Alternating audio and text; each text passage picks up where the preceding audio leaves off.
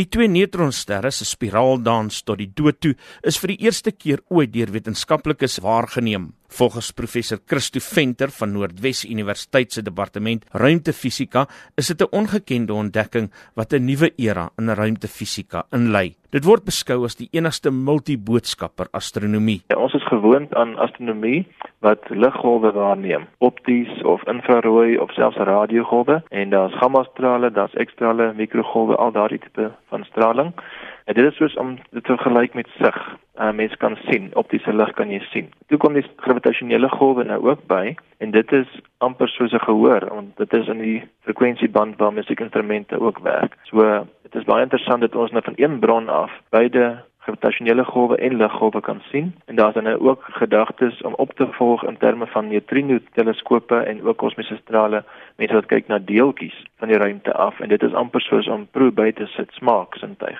Volgens Venter is neutronsterre die oorblyfsel van 'n ineenstorting van 'n baie groot ster en kan dit vergelyk word met die son wat soos 'n sneeubal saamgepers word tot 'n groot stad. As jy twee sulke sneeuballe so groot so stede te mekaar gaan laat bots, gaan die digtheid van die twee balle sorg vir 'n aanskoulike botsing. Ons kan 'n baie interessante analogie maak as mense in die motor klim, dan moet jy seker maak dat jy petrol het, anders gaan jy nie ver kom nie. En wanneer die petrol opraak, dan gaan die motor staan natuurlik. Nou 'n ster is amper so, daar's so 'n kernverbranding wat plaasvind in die binnekant van die ster en dit het tot gevolg stralingsdruk na buite. Maar terselfdertyd is die ster ook massief, so daar's weer 'n gravitasiekrag inwaarts. En hierdie kombinasie van kragte maak dat die ster partykeer stabiel is, hulle balanseer, maar aan die einde van die ster se lewensduur, as die petrol opraak en die kernverbranding staak, dan is daar 'n ineenstorting van 'n massiewe ster.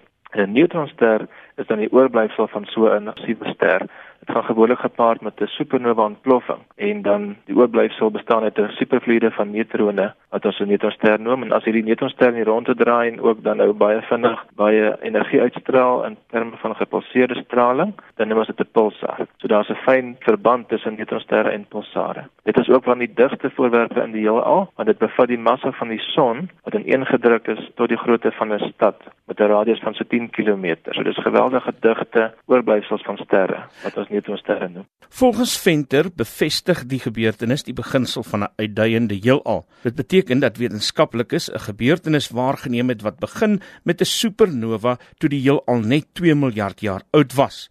Volgens Venter moet 'n mens dit probeer verstaan met die beeld van 'n motor wat op 'n punt vertrek het waar 'n mens dit nie kon sien nie.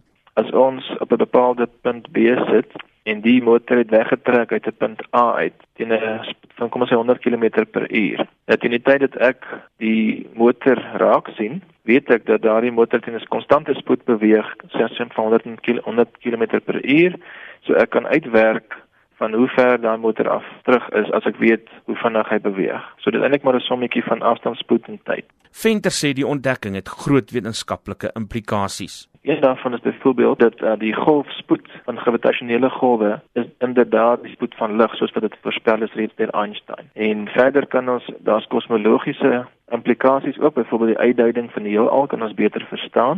In die toekoms verder gaan ons natuurlik uh, natuurlik baie opvolgstudies ook doen en ons hoop om nog soortgelyke syne te sien. Dan is daar ook nou die sogenaamde gamma ray burst model of gamma straal ontploffingsmodel vir kort ontploffings wat geteoretiseer is en hulle mense het gesê dat neutronsterre wat saamsmelt gee vir jou so ontploffing af en dis nou vir die eerste keer gesien dat dit regtig so is.